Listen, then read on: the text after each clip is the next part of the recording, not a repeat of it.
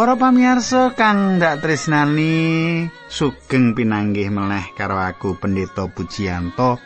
Ana ing sajroning adicara kelangenan panjenengan yaiku margi utami.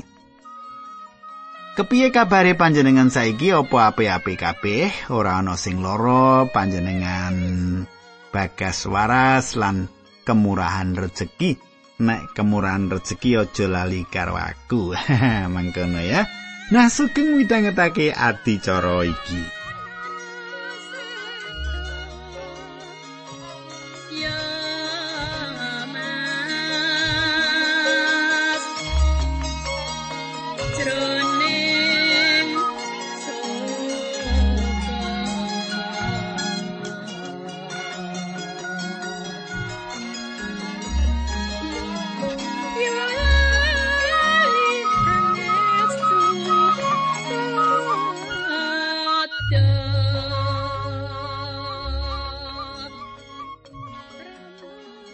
Kadangku adicara kepungkur mestine panjenengan icek kelingan.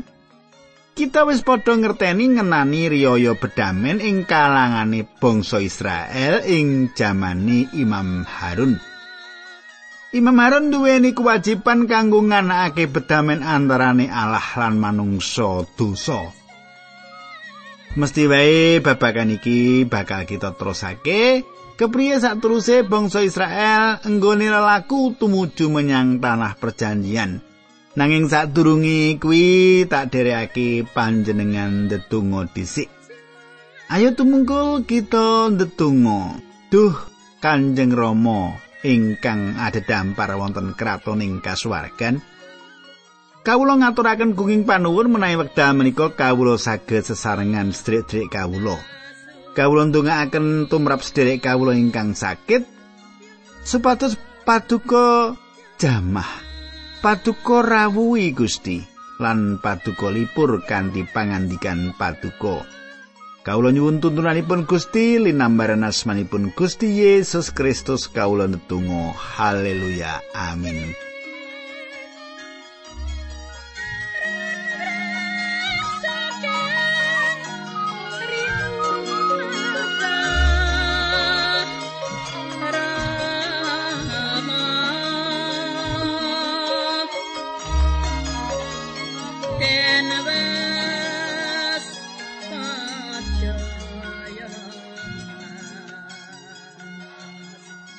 Kadangku kang ndak tresnani. Adicara iki ing pepanggian iki kita arep ngegilut ya kuwi buku kaimaman bab pitulas. Ana patemon iki panjenengan tak derekake anggegilut buku kaimaman bab pitulas. Ing bab pitulas iki ana pitakonan lan gambaran sing ana gegayutane karo kitab perjanjian anyar. Ing pasal iki luwih momot bab etika. Cara sing baku lan bener ketimbang bab-bab upacara agama. Kewan ingon-ingon kudu disembelih ana ing kemah pasewakan mung ing ayat 8 lan 9 sing ana sambung rapete karo pisungsung sing dikurbanake kagemalah ing tata cara agama. Sawise bangsa Israel iki tekan ing tanah Palestina, nyebar saparan-paran. Malah ana sing mapan nganti udakara 150 km aduhe saka kemah suci. Mesine rada kangelan yen nalika cecaos kurban kudu nuntun kewan semono adohe menyang kemah suci. Nanging apa to kersane Allah nganti paring dawuh kang kaya mengkono kuwi? Durung suwe nggone bangsa Israel metu saka Mesir. Saiki tekan ing sawijining papan sing wong-wonge ing kono padha manembah marang Brahala. Maune bangsa Israel uga manembah berhalane wong Mesir. Senajan saiki wis ana pengalaman urip ing pangrumate Allah, atine bangsa iki isih ringkih. Kanthi mengkono isih gampang kapilut kanggo manembah Brahala meneh. Ing ayat pitu disebutake demit wedus. Wong Mesir manembah dewa Mendes, dewane wedhus. Nanging yen ing Yunani, dewa wedhus sing disembah diarani dewa Pan. lan kanggone kita wong Kristen manembah marang para brahala iki ora beda karo manembah marang setan. Uga ing pasal pitulas iki kamot aturan yen bangsa Israel ora didini mateni kewan sak senengi mung yen perlu kudu ditindakake ana ing kemah suci. Iki kanggo njogo supaya bangsa Israel ora nganakake kurban marang brahala-brahala kaya sing wis-wis. Upamane marang brahala pan, brahala wedhus lan sak panunggalani. Kita uga bisa maca yen getih ora diidini kanggo dipangan, jalan getih iku nggambarake panguripan. Ana loro alasan sing bisa dadi dasari. Urip iku sakral, ana bibit kasucene Allah. Malah kewan uga ora kena dipateni tanpa alasan sing jelas. Loro. Getih dadi srana keselamatane manungsa ing kurbane Sang Kristus.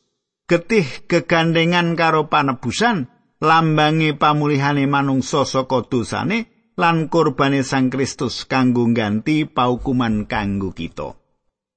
Kadangku getih ora bisa dipangan, nanging kita kudu percaya kanthi gembleng yen rai Sang Kristus sing tumetes sing Golgota kuwi dadi margining karayon kanggo manungsa ora mung aku karo panjenengan nanging manungsa kabeh. Nah, ngrembug bab dosa. Lumrahe panjenengan lan aku padha tido-tido, padha mangu-mangu, ragu-ragu, mbok menawa wae padha wedi paukuman lan kawusanane tumindak dosa. Iku kaya dene nganggep remeh rah kurbane Sang Kristus. Nanging yen kita kanthi tetek nglawan dosa, kanthi pitulungane Allah, mula kita bakal nampa wilujeng. Saiki kaimaman pitulas ayat siji lan loro tak wacake ya. Gusti Allah dawuh marang Musa supaya nerusake pernatan iki marang Harun, anak-anak lan bangsa Israel kabeh. Katanggu. Dawe Allah iki ora mung kanggo Musa lan Harun, nanging uga kanggo anak-anak iman Harun lan kanggo umat Israel kabeh. Iki pratondo apa? Iki pratondo panjenengane Allah ngersakake cawe-cawe ing uripe saben wong Israel. Allah ora mung ngendika bab kewan sing halal lan haram nanging kepareng uga negasake yen bangsa Israel kudu mung mangan kewan sing halal wae. Umat Allah pangeran kudu ana bedane karo bangsa liyane sing padha manembah brahala ing kukuban kuno. Saiki kaimaman pitulas sayat telu nganti enem mengkini surasani yen wong Israel nyaosake kurban marang Allah rupa sapi wedhus gembel utawa wedhus Jawa kudu nyembelih kewan mau ing lawange kemah suci. Yen disembelih ing liya panggonan wong mau nerak angger-angger Allah mergo mutahake getih wong mau kudu disebratake saka umat Allah Maksude pernatan iki supaya wit saiki bangsa Israel yen saus kurban rupa kewan kudu disembelih ana ing kemah palenggahane Allah, ora kaya biyen ana ing ora samun. Saiki sausan mau kudu digawa menyang lawange kemah suci, dipasrahake marang imam nuli disembelih ing kono dadi kurban keselamatan. Ayat 6. Imam kudu nyiramake getih kewan mau ing lambungi mesbeh sing ana ing ngarep kemah suci banjur ngobong gaji supaya gandane gawe renaning penggali Allah. Katengku kang dak tresnani, iki ana aturan anyar sing ora ana gayutane karo bab kurban utawa pisungsung sing biasane kanthi upacara agama. Kewan sing disebutake iki kewan kanggo pangan saben dinane wong Israel. Allah ngersake supaya kewan sing disembelih mau uga digawa ing kemah suci. Kaya dene yen wong mangan kudu mapan ing meja makan, kanthi cara iki dewa-dewa, jim-jim, setan-setan kudu diusir saka panguripane bangsa iki. Sumitraku, kenapa Allah kenceng kersane ing bab iki? Upamane ana sing kepengin mangan gule cempe nggone nyembelih kudu lunga dhisik menyang bait suci? Bener. Iki kabeh jalaran pengalaman urip bangsa iki supaya urip kanthi bener kudu ditata kanthi aturan sing ketat kaya ngono iku. Jalaran ing kalangane para bangsa sing nyembah brahala, sadurunge kewan disembelih dipasrahake luwih dhisik marang dewa-dewa. Nuli lagi dipangan dening menungsa. Dadi menungsa mangan sisane brahala. Kanthi aturan sing diparingake Allah mau, ana tembok sing malangi antarane manungsa lan brahala. Allah wis ngluwari bangsa iki saka Mesir. Jalaran saka panangis lan pangrintihe bangsa iki marang Allah tunduk karo janji prastiane Allah marang Bapa Abraham, Bapa Iskak lan Bapa Yakub. Allah wis paring janji mula Allah jangkepi apa kang dadi janjine kuwi. Kepriye bisa ngerti yen bangsa Israel padha nyembah brahala nalika ana ing Mesir? Kitab suci njelasake bab iku ing Yeskiel 20 ayat 6 pitu 8. Mangkene surasane tak wacake. Nalika semono aku janji arep mbekta wong-wong mau metu saka tanah Mesir lan ndak irit menyang tanah sing ndak cawisake tanah gemah ripah lo jinawi tanah sing apik dhewe. padha ndak kandhani supaya mbuang brahala-brahala sing padha disenengi supaya aja padha najisake awake dhewe karo brahala-brahala Mesir sing ora teges kuwi mergo aku iki pangeran alai nanging padha ngremehake aku lan ora nggugu karo pangandikaku brahala-brahalane sing jijiki ora dibuangi mengkono uga ora mareni nggone nyembah brahala-brahalane wong Mesir aku wis ngrancang ngesokake dukaku sak katoke ana ing tanah Mesir kono. Katangku kang dak tresnani, Allah ngersakake supaya pengalaman manembah marang broro sing ditindakake Israel ing Mesir ditigas tatas. Ora ana sisane dipedhot. Yen kita ngerti kanan iki mula ora aran aneh yen Rasul Paulus nulis layang marang wong-wong Korinta Ing siji Korinta 8 ayat 1 nganti 13 lan 10 ayat 1 nganti 33. Pasaman Korinta pancen padha manembah Brahala, uga padha nggawa kewane ing ngarepe Brahala lan para dewane sadurunge disembelih lan dipangan.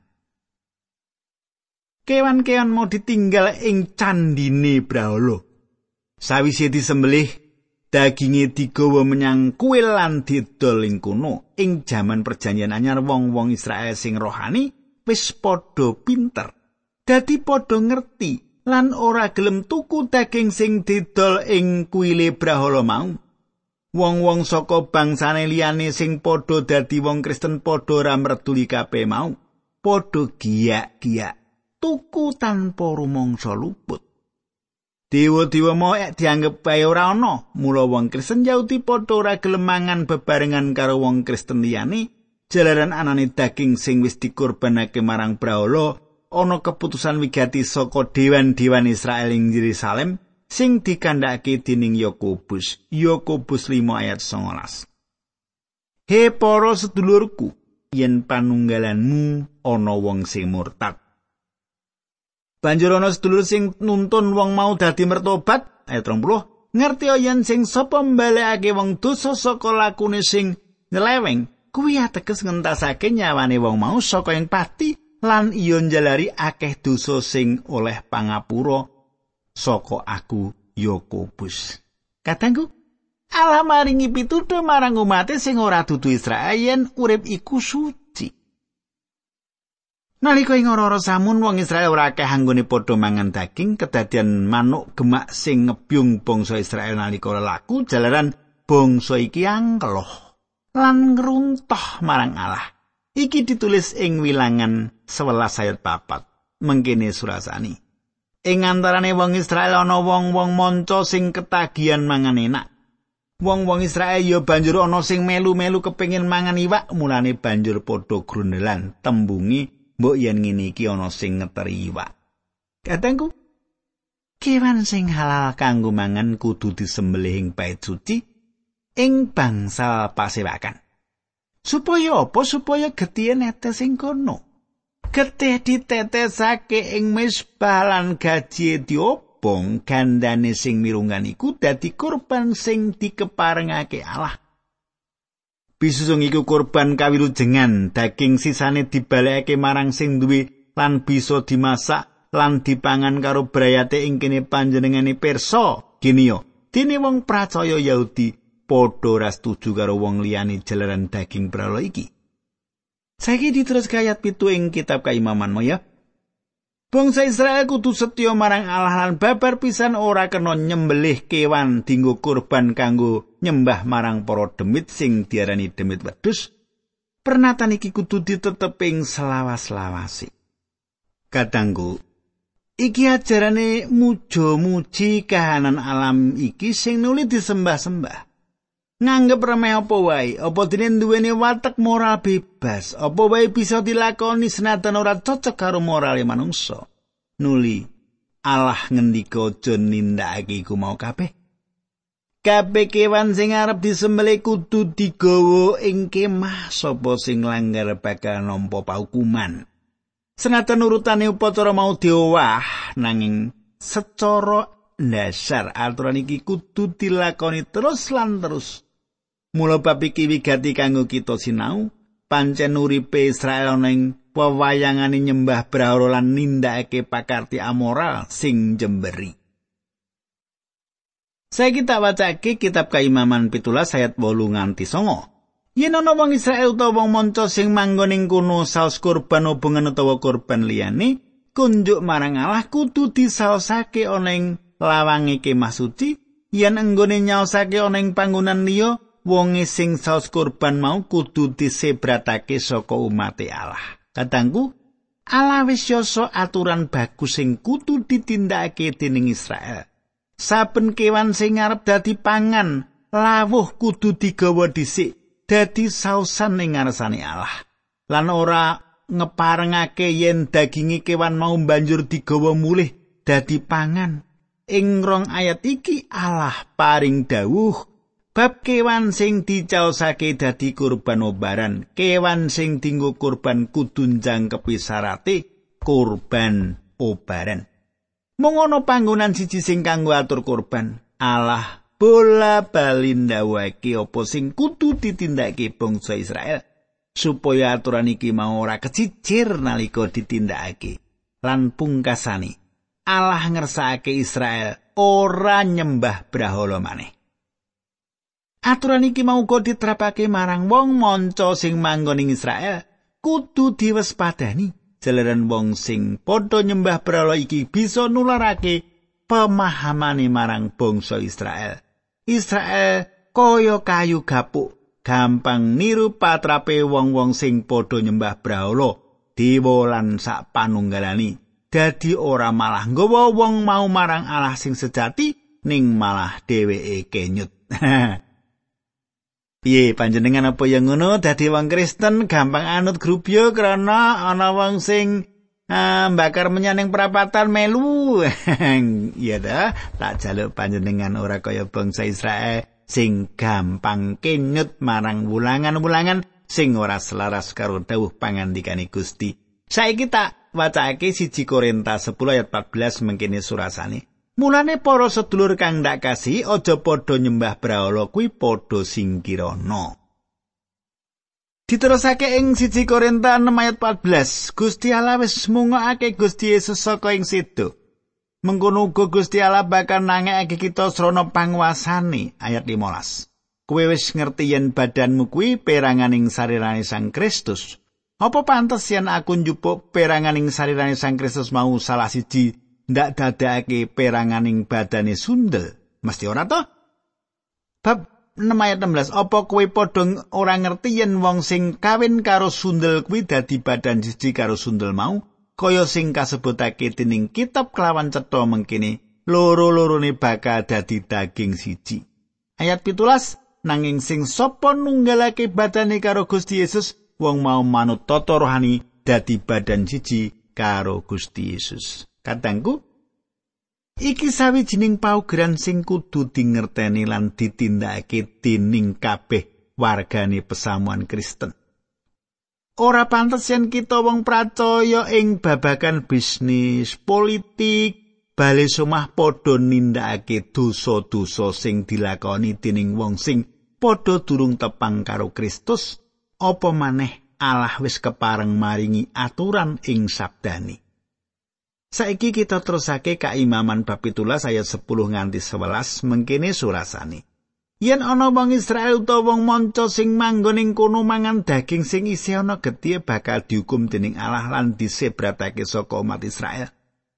Mergo nyawane titah sing urip kuwi dununge ana ing getih kuwi sebabe Allah dawuh supaya getihe kabeh kudu disuntak ana ing mesbeh kanggo ngruwat sakaing dosane umat. Getih kuwi ngolehake panebu sing dosa mergo ing getih mau ana nyawani. Katengku kang dak tresnani, ayat 11 iki dadi ayat kunci. Urip pancen ana ing sakjroning getih kaya sing disebut ing ayat 14. Iki minangka dasar yen arep caos kurban marang Allah. Saiki ayat 13 13 14 mengkini surasani. Kuwi sebabe wong Israel lan wong manca sing manggon ing tengahe ora kena mangan daging sing isih ana geti. Wong Israel utawa wong manca sing manggon ing antarané bangsa Israel semangsa bebedak oleh kewan utawa manuk sing ora karam, Gedhe kewan mau kudu diwetokake nganti atus lan di uruki lemah. Mergo nyawane saben titah sing urip kuwi dununge ana ing getih ya kuwi sebabe Allah ora marengake bangsa Israel mangan daging sing isih ana getih. Saben wong sing nindakake mengkono kudu disebratake saka umat Allah. Gusti Yesus tau ngendika sing nyengsemake kita ing Yohanan 6 ayat 54 tak tekan 55 mengkene surasani. Wong sing mangan dagingku lan ngombe getihku, wong kuwi duweni urip langgeng sarta aku bakal nangekake wong-wong mau ing dina kiamat. Awit dagingku kuwi pangan sing sejati lan getihku kuwi omben-omben sing sejati. Ayat 6, wong sing mangan dagingku lan ngombe getihku wong kuwi uripe bakal nunggil karo aku lan aku bakal nunggil karo wong mau.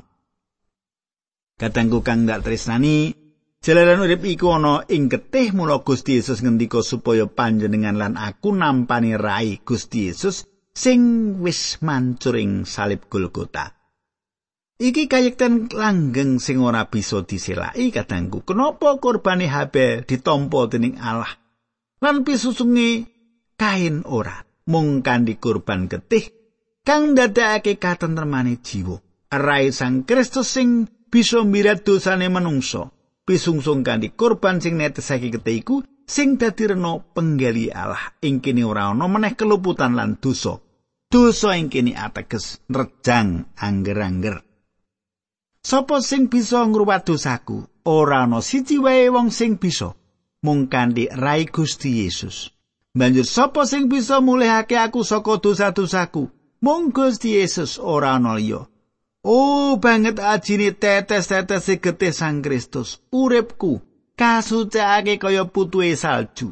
Ora ana sumber sejati sing tak ngerteni kejaba mung siji. Gusti Yesus juru wilujeng sejati.